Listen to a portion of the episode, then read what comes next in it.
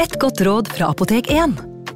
Nå er snart pollensesongen i gang, og et godt råd til deg som sliter med pollenallergi, er å begynne behandlingen i god tid før allergisesongen starter. Da får du nemlig enda bedre effekt av legemidlene, og så blir ikke våren din helt ødelagt. Kom innom og få råd på ditt nærmeste Apotek 1, eller chat med oss på apotek1.no. Apotek 1 vår kunnskap, din trygghet.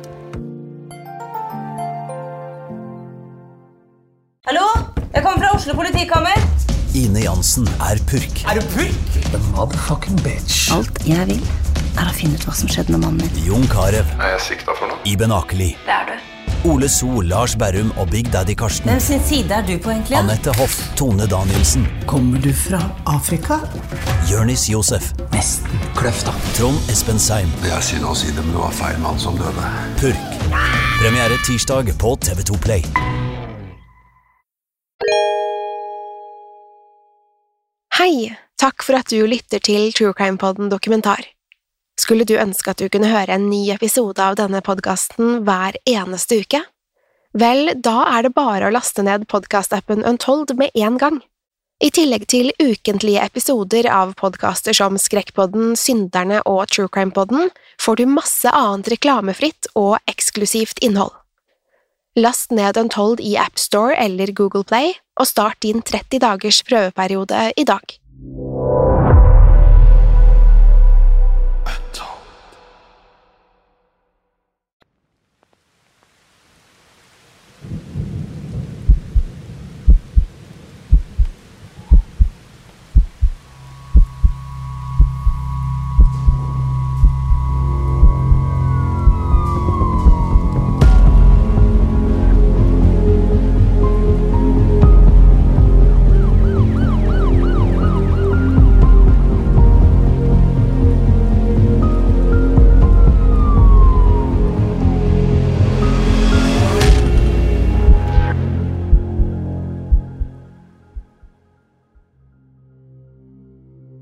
Det var januar 1979, og etter å ha tilbrakt noen måneder ved Ohio State University, hadde 18 år gamle Jeffrey Dahmer vervet seg i militæret. Den korte tiden som college-student hadde gått med til festing, men for Jeffrey var dette mer enn en sosial aktivitet. For Jeffrey hadde det blitt umulig å komme seg gjennom forelesningene uten å innta alkohol, og han begynte snart å smugle med seg brennevin i auditoriene. Alkoholforbruket hadde vært en av årsakene til at han droppet ut av universitetet, og Jeffrey fortsatte å drikke i smug mens han tjenestegjorde i Tyskland. Det var naturligvis strengt forbudt for soldatene å nyte alkohol på basen, men Jeffrey var ikke i stand til å fungere i edru tilstand. Jeffrey hadde lenge brukt alkohol som en flukt fra virkeligheten, og han bearbeidet på dette tidspunktet flere traumatiske begivenheter. Foreldrenes skilsmisse hadde symbolisert oppløsningen av familien og hadde vært en krevende prosess for Jeffrey. Han følte seg oversett og ignorert, mens moren og faren kjempet om foreldreretten for hans yngre bror. Det var riktignok en større og langt mørkere hemmelighet som preget Jeffrey. Et halvt år tidligere hadde han drept Stephen Hicks. Drapet hadde ikke vært planlagt, men det hadde likevel avslørt en skjult side av Jeffrey. Følelsen av å partere liket, og deretter pulverisere skjelettet og spre det utover tomten, hadde vært en nesten spirituell opplevelse. For første gang hadde han følt en ekte tilknytning til en annen person. Alle hadde forlatt han, men Stephen Hicks ville være en del av han, for alltid. Jeffrey var utenfor mistanke, men han klarte likevel ikke å legge hendelsen bak seg. Jeffreys medsoldater klarte aldri helt å få tak på den mystiske unge mannen. Han var glad i å lese, og mange beskrev ham som uvanlig skarp og intelligent. Jeffrey holdt seg likevel stort sett for seg selv og viste liten interesse for de andre soldatene. Hvis han først menget seg med de andre soldatene, var han riktignok jovial og prøvde seg stadig på vitser og imitasjoner. Etter å ha droppet ut av universitetet ville Jeffrey nå bevise for faren sin at han ikke var en fiasko. Han ønsket å utmerke seg, stige i gradene og få til noe stort. Til tross for Jeffreys ambisjoner forble hans status og grad i militæret uendret. Så snart anledningen bød seg, søkte Jeffrey Dahmer tilflukt i alkoholen. De andre soldatene forsto umiddelbart når Jeffrey hadde drukket.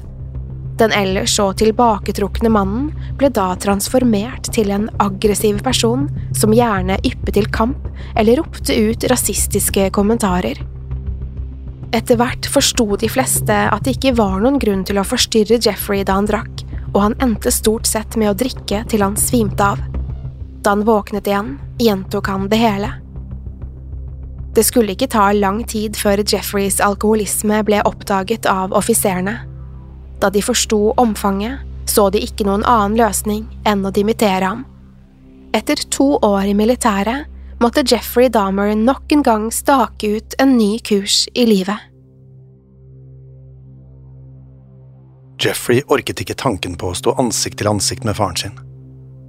Han hadde allerede sviktet han da han forlot universitetet, og nå hadde han i praksis blitt kastet ut av militæret.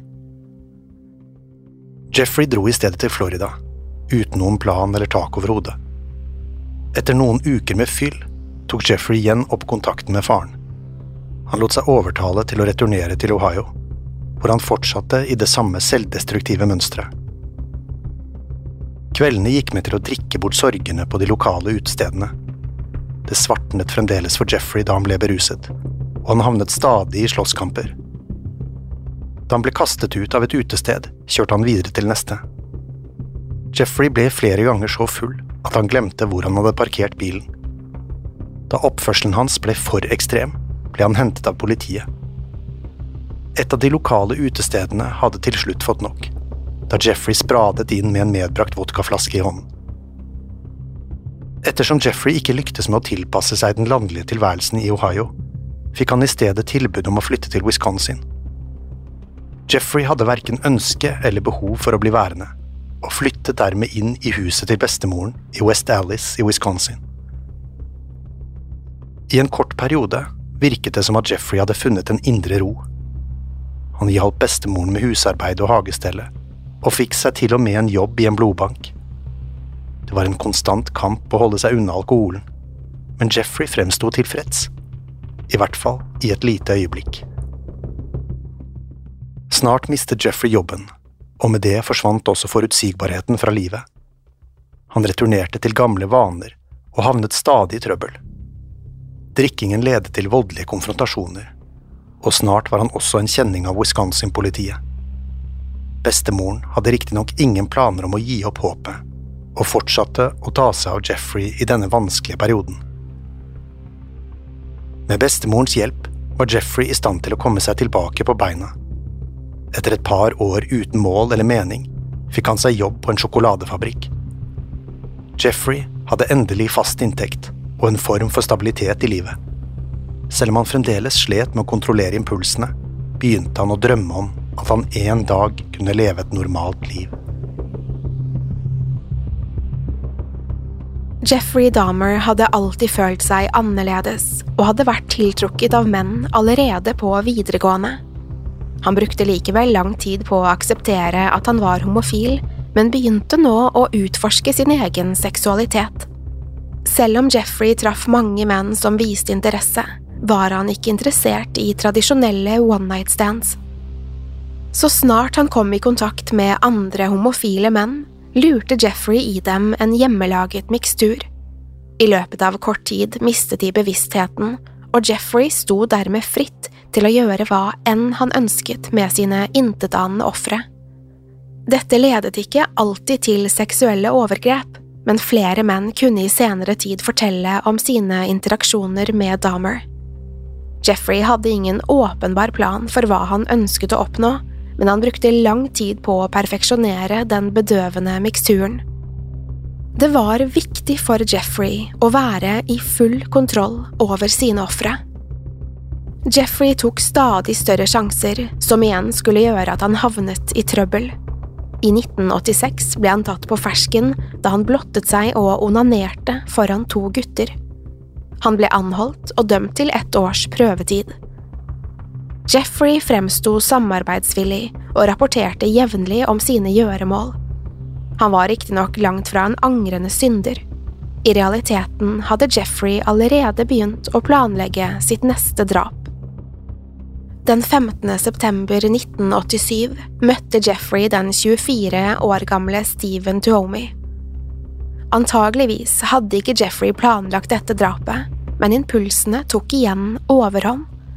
Han hevdet å ikke ha noe klart minne av hendelsene, da han som vanlig hadde drukket seg full.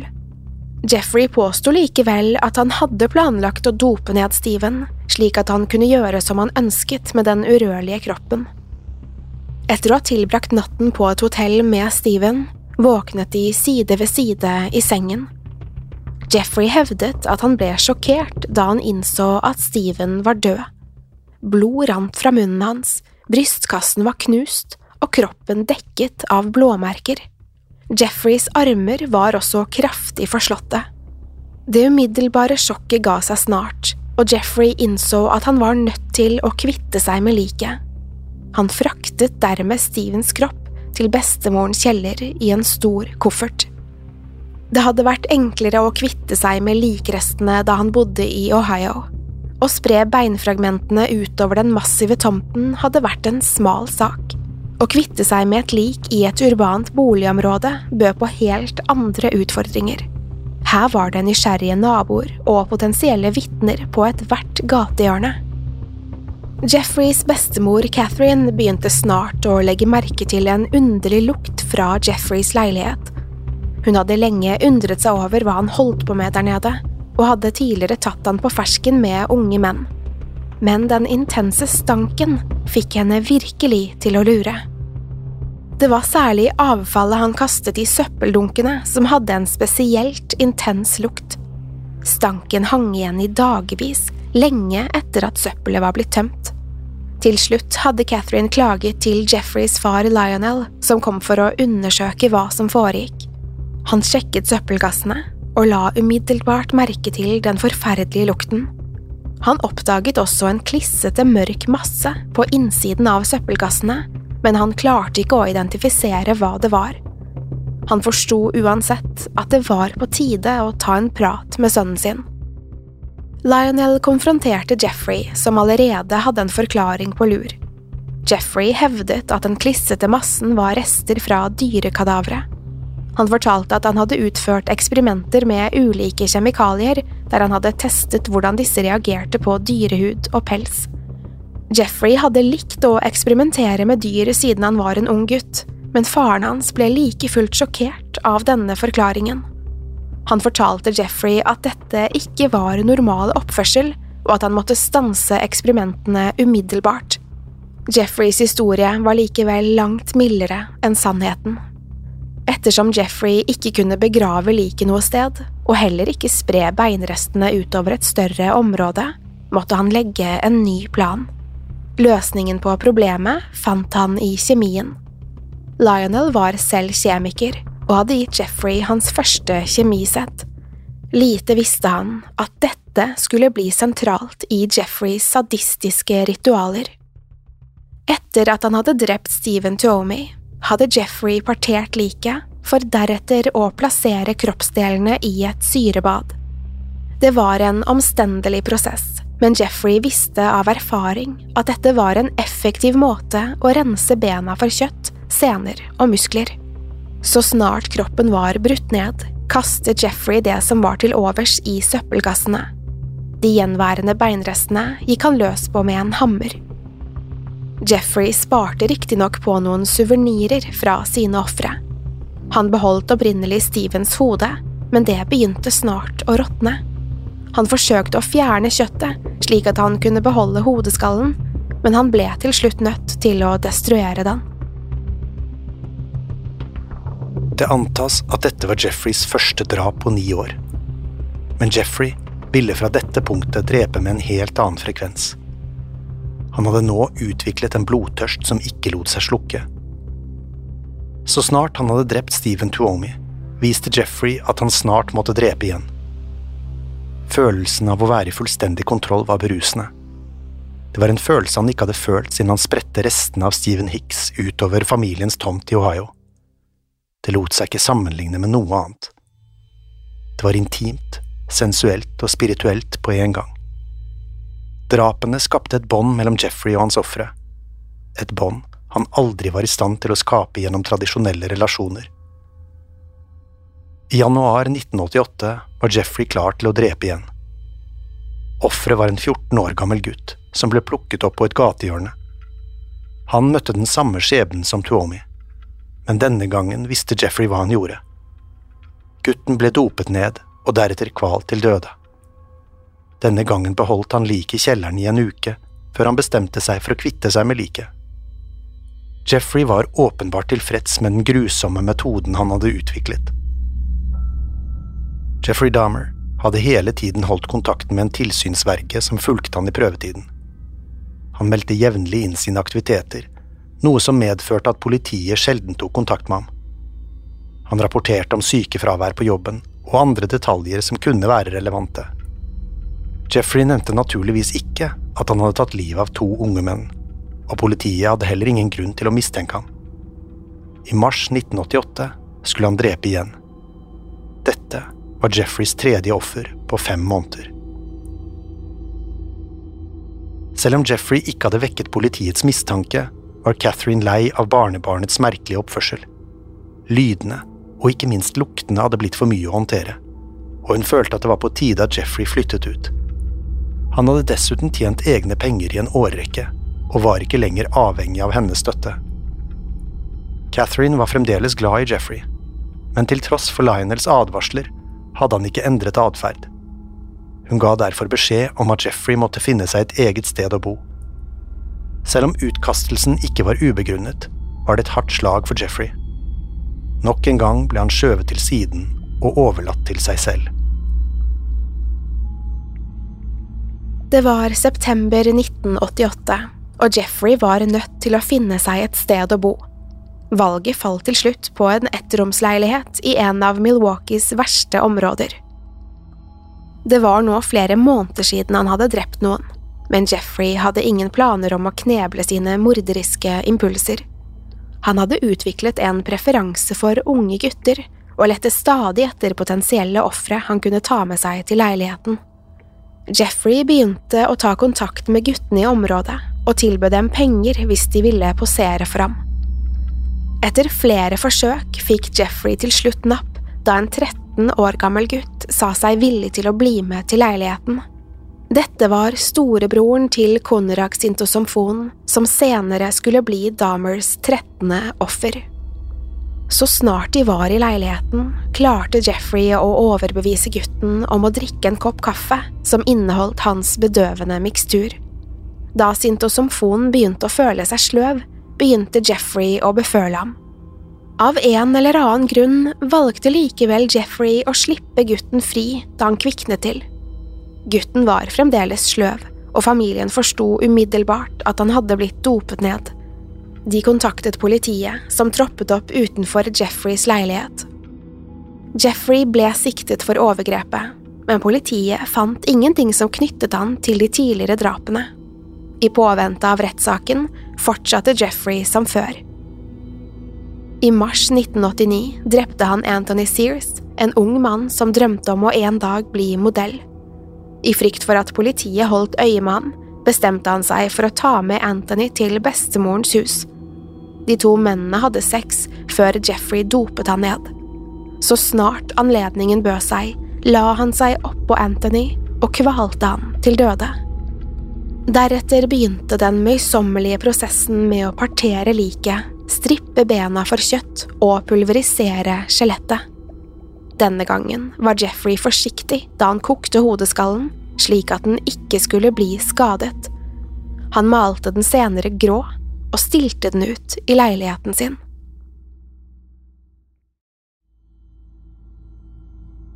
Da Jeffrey Dahmer sto tiltalt for overgrep, var det med fem menneskeliv på samvittigheten. Aktoratet ønsket at Jeffrey skulle fengsles i minst fem år, og at han skulle bli tvunget til å gjennomføre psykiatrisk evaluering og behandling. Dahmer innrømmet i retten å være en homofil alkoholiker, men uttrykte at han angret på å ha tatt med seg en mindreårig gutt hjem. Han ønsket å gjøre opp for sine feil og søke behandling for sine alkoholproblemer. Jeffrey lyktes i å overbevise dommeren om at han faktisk ønsket å bedre seg, noe som gjorde spørsmålet om straffeutmåling mer komplisert. Dommeren hadde tilsynelatende et genuint ønske om å hjelpe Jeffrey, men pekte på mangelfull behandling i fengselssystemet. Jeffrey Dahmer ble dermed dømt til å sone i ett år, men han skulle bare sone ti måneder før han ble sluppet fri. Den milde dommen tillot også Jeffrey Dahmer å forlate fengselet på kveldstid for å jobbe.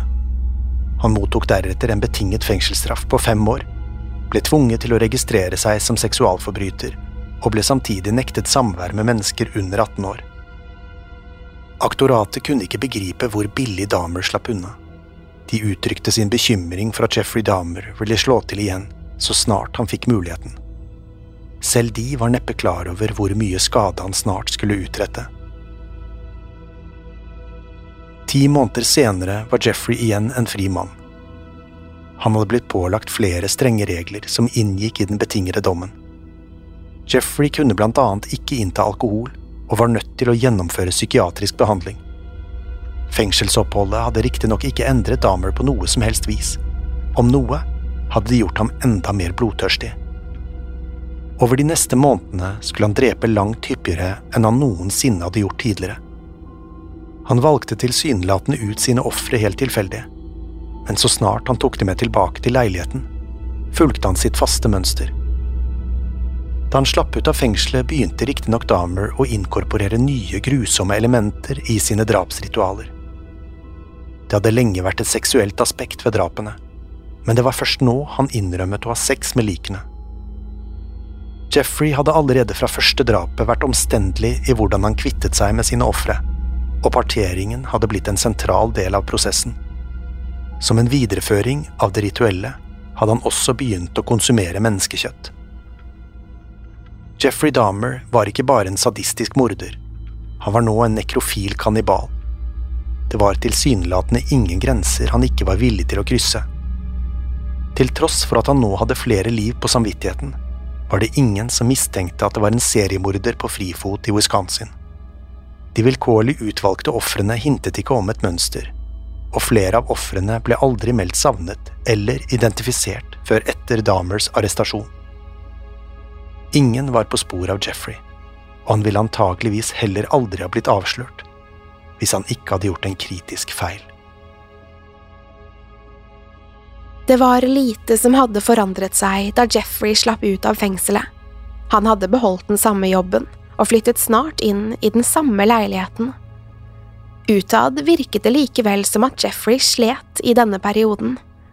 Han forklarte vergen sin at han slet med å sove, og klaget over at han hadde mistet kontakten med faren.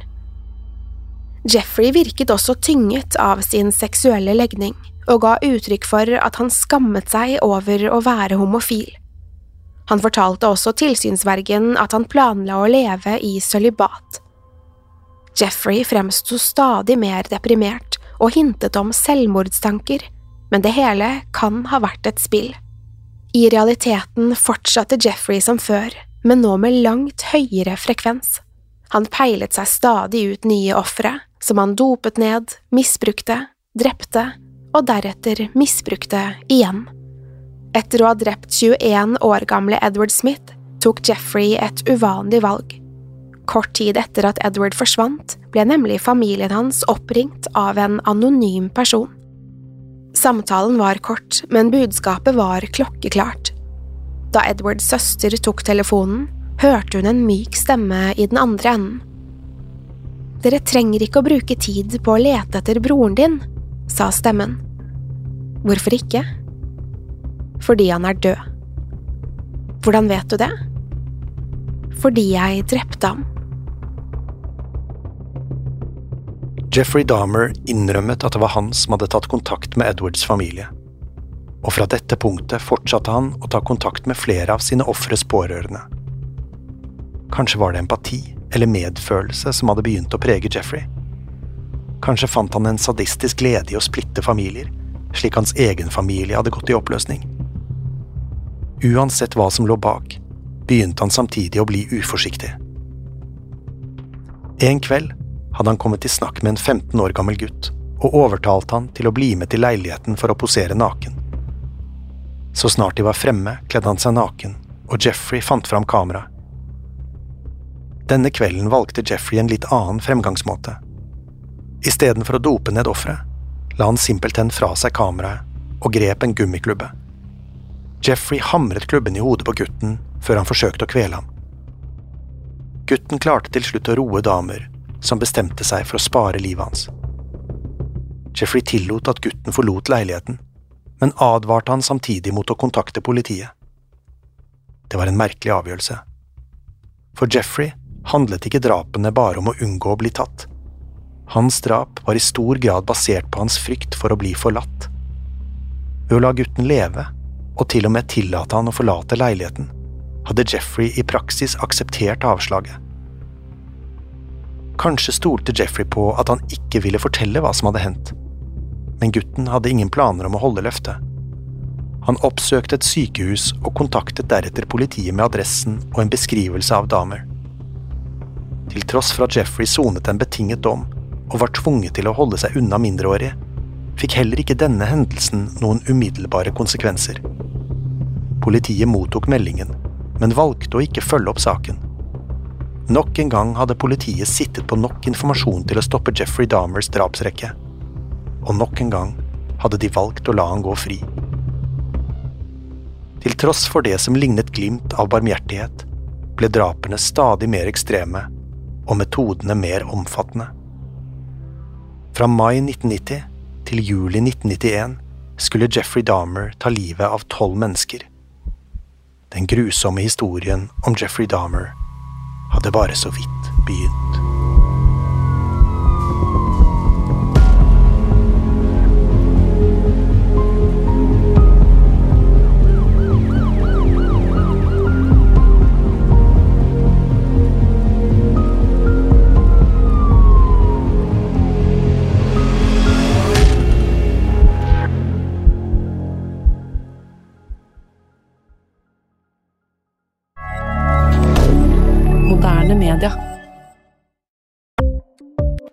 Ukens annonsør er Folio, en smartere banktjeneste for deg som har en egen bedrift eller ønsker å starte for deg selv.